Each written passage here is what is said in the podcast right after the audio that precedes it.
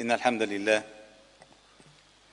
نحمده ونستعينه ونستهديه ونستغفره ونعوذ بالله تعالى من شرور أنفسنا وسيئات أعمالنا. من يهده الله فهو المهتد ومن يضلل فلن تجد له وليا مرشدا ومن لم يجعل الله له نورا فما له من نور. وأشهد أن لا إله إلا الله وحده لا شريك له وأشهد أن محمدا عبده ورسوله وصفيه من خلقه وخليله بلغ الرسالة وأدى الأمانة ونصح الأمة وجاهد في الله حق جهاده وعبد الله حتى أتاه اليقين. صلوات ربنا وتسليماته عليه وعلى آله الأطهار وصحابته الأخيار ومن تبعهم بإحسان إلى يوم الدين. يقول ربكم جل جلاله يا أيها الذين آمنوا اتقوا الله حق تقاته ولا تموتن إلا وأنتم مسلمون. يا أيها الذين آمنوا اتقوا الله وقولوا قولا سديدا. يصلح لكم أعمالكم ويغفر لكم ذنوبكم. ومن يطع الله ورسوله فقد فاز فوزا عظيما. ثم أما بعد فإن أصدق الحديث كلام الله تعالى وأحسن الهدي هدي محمد صلى الله عليه وسلم. وشر الأمور محدثاتها وكل محدثة بدعة وكل بدعة ضلالة وكل ضلالة في النار. عباد الله أيها الأحبة المؤمنون تحدثنا لكم في خطبنا الماضية عن إبراهيم عليه السلام. إبراهيم أبي الأنبياء الذي لا يقبل من أحد اتباع ملة إلا باتباع ملته. والذي لا يقبل من أحد إسلاما إلا بالإسلام الذي أسلم فيه وجهه لله. إذ قال له ربه اسلم قال أسلمت لرب العالمين. إبراهيم عليه السلام الذي علمنا دروس الهجرة قبل أن يهاجر النبي صلى الله عليه وسلم من مكة إلى المدينة. وهو الذي قال أمام الناس جميعا إني ذاهب إلى ربي سيهدين إني مهاجر إلى ربي إنه هو العزيز الحكيم. إبراهيم عليه السلام الذي علمنا أن الأرض لله لا الحيز الذي أنت تعيش فيه. فالأرض أرض الله وأرض الله واسعة. فحيثما تتمكن من عبادة الله فهي أرضك. والمفارقة العجيبة أيها الأحباب الكرام أن إبراهيم عليه السلام ترك أرضه وأهله ووطنه وكل شيء وهاجر وأذن الله تعالى له في طريق هجرته إلى الشام أن يبني له بيتا في بواد غير ذي زرع. والنبي صلى الله عليه وسلم هاجر من الأرض التي بنى فيها إبراهيم بيت الله الحرام من أجل الدين. فإبراهيم هاجر من أجل الدين وبنى بيت الله الحرام من أجل الدين والنبي صلى الله عليه وسلم ترك بلد البيت الحرام إلى المدينة المنورة من أجل الدين. فما لم نفهم نحن المسلمين أيها الأحباب الكرام أن الدين أغلى قيمة من الوطن أغلى أغلى قيمة من المال أغلى قيمة من النفس. لم نفهم الدين بعد. الدين هو الأساس. وهذه الأمة أيها الأحباب الكرام إنما قامت على شيئين شيئين اثنين لا ثالث لهما. القيمة الأولى الأخوة والقيمة الثانية النصرة. ومعنى الأخوة ليست أخوة الدم والنسب بل أخوة الدين والملة. وإلا فكيف اخى النبي صلى الله عليه وسلم بين الأنصار والمهاجرين وهم ليسوا من القبائل نفسها؟ وكانت القبائل عندهم لا يعلفون معنى الأخوة. أما الله تعالى قال إنما المؤمنون إخوة. كونوا عباد الله إخوانا. اذا عندما ندخل إلى الهجرة لا نريد أن ندخل إلى الهجرة بالنمط القصصي ولا بالنمط الإنشادي ولا بالنمط الاحتفالي بل نريد أن ندخل إلى الهجرة كما فطن إليها عقلاء الأمة. عندما أرادوا أن يؤرخوا أيام هذه الأمة كيف يؤرخوها؟ كيف يؤرخونها؟ من أي حدث ينطلقون في تأريخ أيام هذه الأمة؟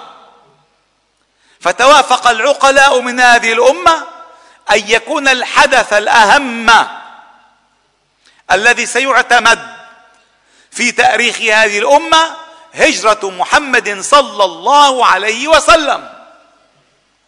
لأن الهجرة في مع في معناها الحقيقي ليس فقط ترك وطن ترك وطن وترك مال وترك أهل إنما هي بالحقيقة خط منهاج حقيقي. كما قال إبراهيم إني ذاهب إلى ربي فحيثما أجد نفسي مع ربي فسأذهب. حيثما أجد نفسي أقيم ديني فسأذهب. هذه الهجرة الحقيقية التي لا يمكن للإنسان أن يفارقها حتى يموت. صحيح أن النبي صلى الله عليه وسلم قال لا هجرة بعد الفتح ولكن جهاد ونية. أي النية لا تزال قائمة في نفوس المؤمنين أن يهجروا كل شيء من أجل وجه الله. والعزم والفعل والطلب والدفع والجهاد لا يزال قائما حتى يبقى أو حتى تبقى كلمة الله تعالى هي العليا. لذلك المهاجرون الأوائل أين هاجروا؟ هاجروا إلى بلاد الحبشة. إلى بلد فيها ملك نصراني لا يظلم في ملكه أحد. أمرهم النبي صلى الله عليه وسلم أن يهاجروا وأدخلهم في أمنه هذا الملك. أدخلهم في أمنه. لا خطف أولادهم ولا هدد أسرهم ولا تدخل في ثقافتهم ولا في تعليمهم ولا في حضارتهم ولا في ثيابهم ولا في طعامهم ولا في كل شيء. بل قال لهم أنتم آمنون في أرضي من سبكم غرم من آذاكم غرم.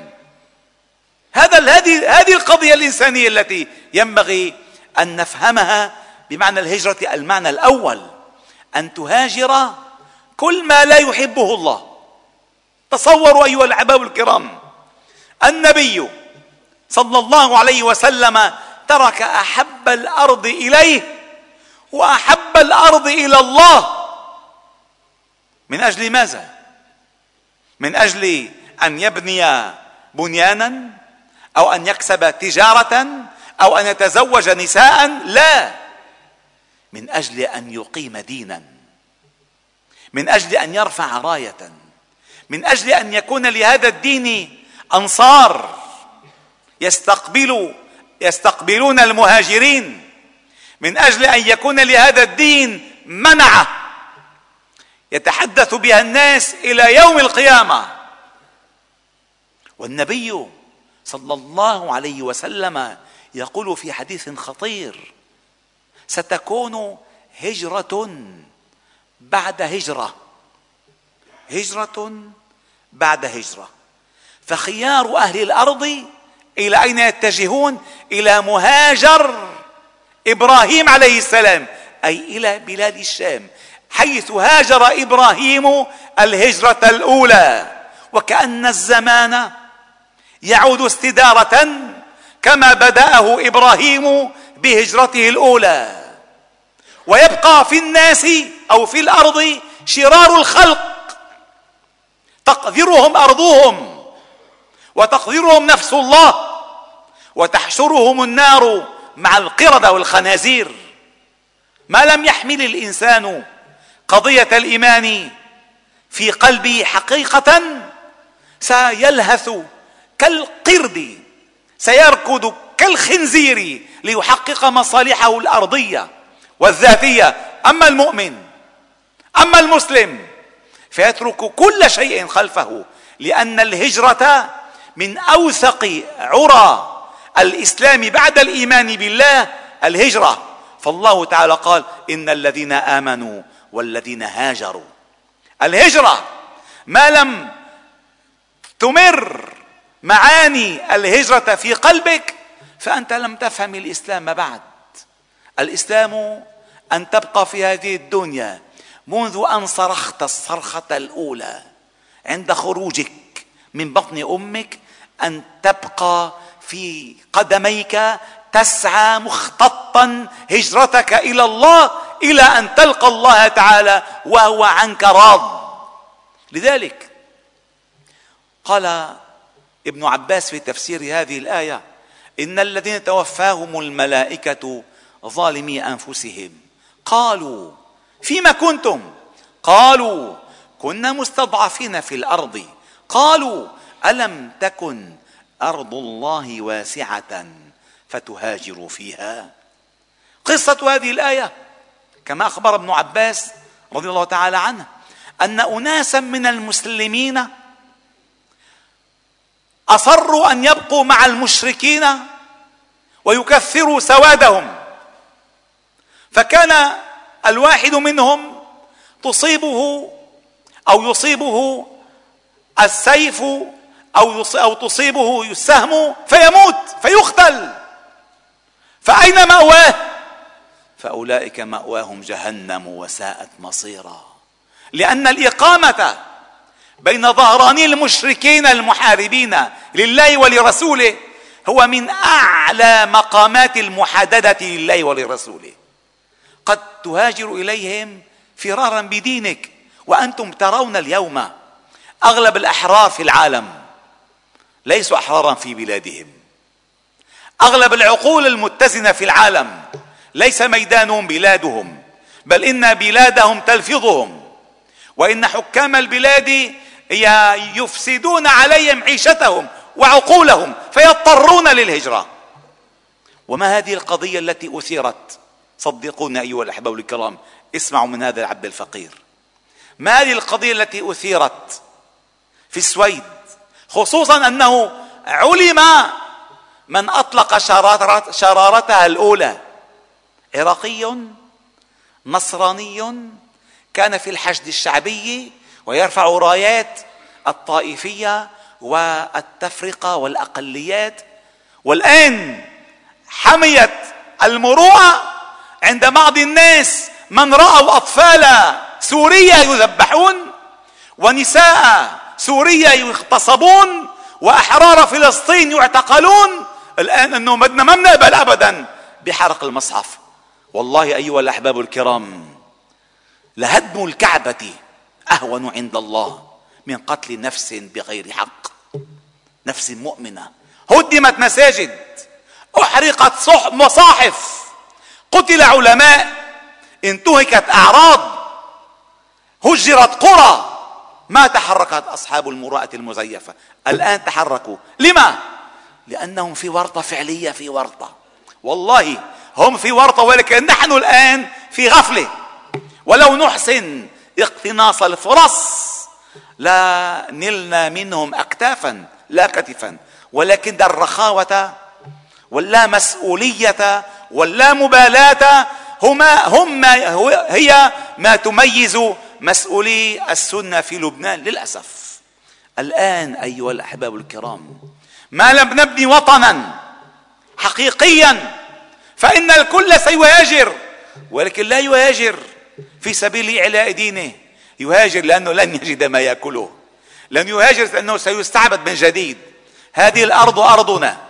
هي مهاجر أبينا إبراهيم عليه أبينا إبراهيم عليه السلام. لن نبتغي عنها بدلا. ولن نبغي عنها حولا. هي بلادنا. هي أرض المحشر. وهي أرض النبوات والرسالات. فعندما هاجر الأوائل إلى الحبشة وهاجر النبي صلى الله عليه وسلم إلى المدينة إنما ليبتغي الأنصار. وكان له ما أراد. أما اليوم فنحن في آخر الزمان والفت والإيمان في آخر الزمان يكون في بلاد الشام. فإن الإيمان يكمن ويستقر في الشام حين تغلو الفتن في الأرض جميعا. والنبي صلى الله عليه وسلم قال بينما أنا نائم إذ رأيت أن عمود الكتاب القرآن انتزع من تحت وسادتي. فأتبعته بصري فعمد به إلى الشام.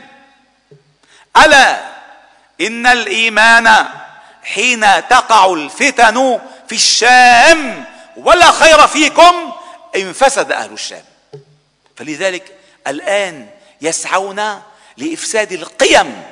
وعندما نعود وسنكون مع إبراهيم عليه السلام في خطب قادمه قادمة إن شاء الله تعالى. عندما سنعود لأسس الهجرة الأساسية نفهم لماذا يحاربوننا وما نقموا منهم إلا أن يؤمنوا بالله العزيز الحميد. أتعلمون أيها الاحباء الكرام أنه اليوم في هذه الأيام في قلب عاصمة الأمويين في دمشق تغير أهم أساسيات التاريخ أهم الأحياء التراثية تحرق أهم الوثائق التاريخية لماذا؟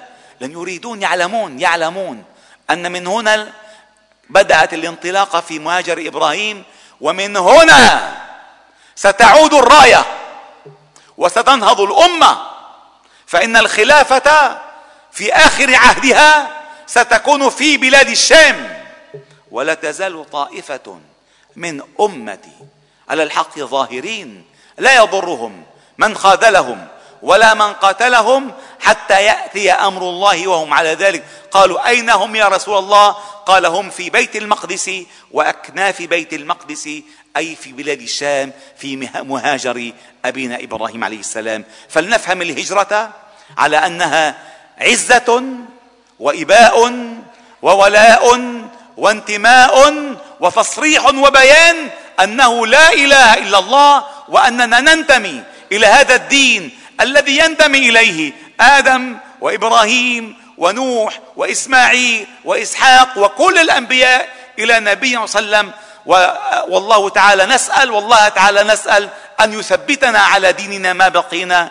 أقول ما تسمعون وأستغفر الله العظيم لي ولكم فاستغفروه فيا فوز المستغفرين استغفروا الله.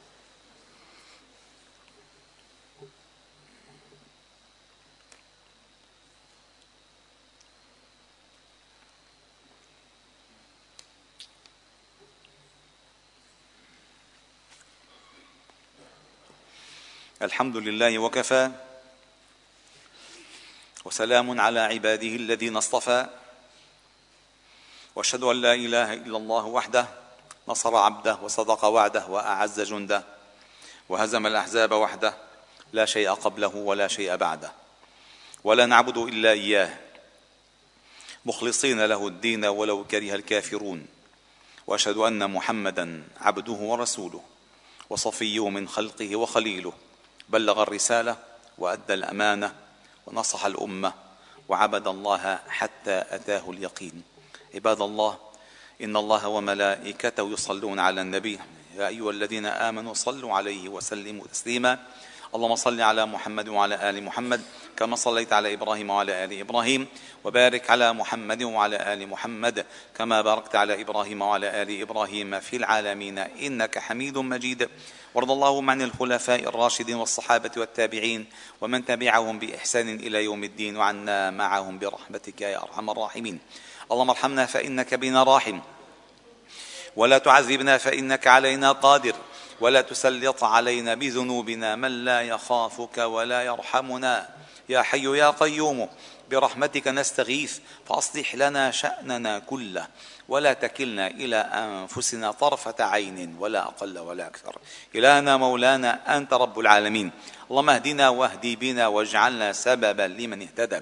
اجعل اللهم هداة مهتدين غير ضالين ولا مضلين. سلما لأوليائك. وحربا على أعدائك. نحب بحبك من أحبك ونعادي بعداوتك من خالف أمرك. اللهم اهد شبابنا اللهم اهدي رجالنا اللهم اهد نساءنا اللهم اهد شاباتنا اللهم اهد أبناءنا وبناتنا اللهم اهد إخواننا وأخواتنا اللهم اهد أمهاتنا وآباءنا ربنا ارحمهما كما ربيانا صغارا. اللهم اهد علماءنا لقول الحق واهد ولاة أمورنا للحكم بالحق واهدنا بهداك. ولا تكلنا إلى سواك. اللهم أحسن عاقبتنا في الأمور كلها وأجرنا من خزي الدنيا وعذاب الآخرة. اللهم عافنا في أبداننا. اللهم عافنا في أسماعنا. اللهم عافنا في أبصارنا. اللهم إنا نعوذ بك من زوال نعمتك وتحول عافيتك وفجاءة نقمتك وجميع سخطك. اللهم إنا نسألك من الخير كله عاجله وآجله ما علمنا منه وما لم نعلم. ونعوذ بك اللهم من الشر كله عاجله وآجله ما علمنا منه وما لم نعلم. نسألك اللهم فعل الخيرات وترك المنكرات وحب المساكين وأن تغفر لنا وترحمنا. وإذا أردت بقوم فتنه فاقبضنا إليك خير خزايا ولا مفتونين. نسألك اللهم حبك وحب من يحبك. وحب عمل يقربنا إلى حبك. نسألك اللهم موجبات رحمتك وعزائم مغفرتك والسلامة من كل إثم والغنيمة من كل بر والفوز بالجنة والنجاة من النار. لا تدع لنا يا ربنا في هذه الساعة المباركة من يوم الجمعة ذنبا إلا غفرته ولا عيبا إلا سترته ولا هما إلا فرجته ولا كربا إلا نفسته ولا دينا إلا قضيته.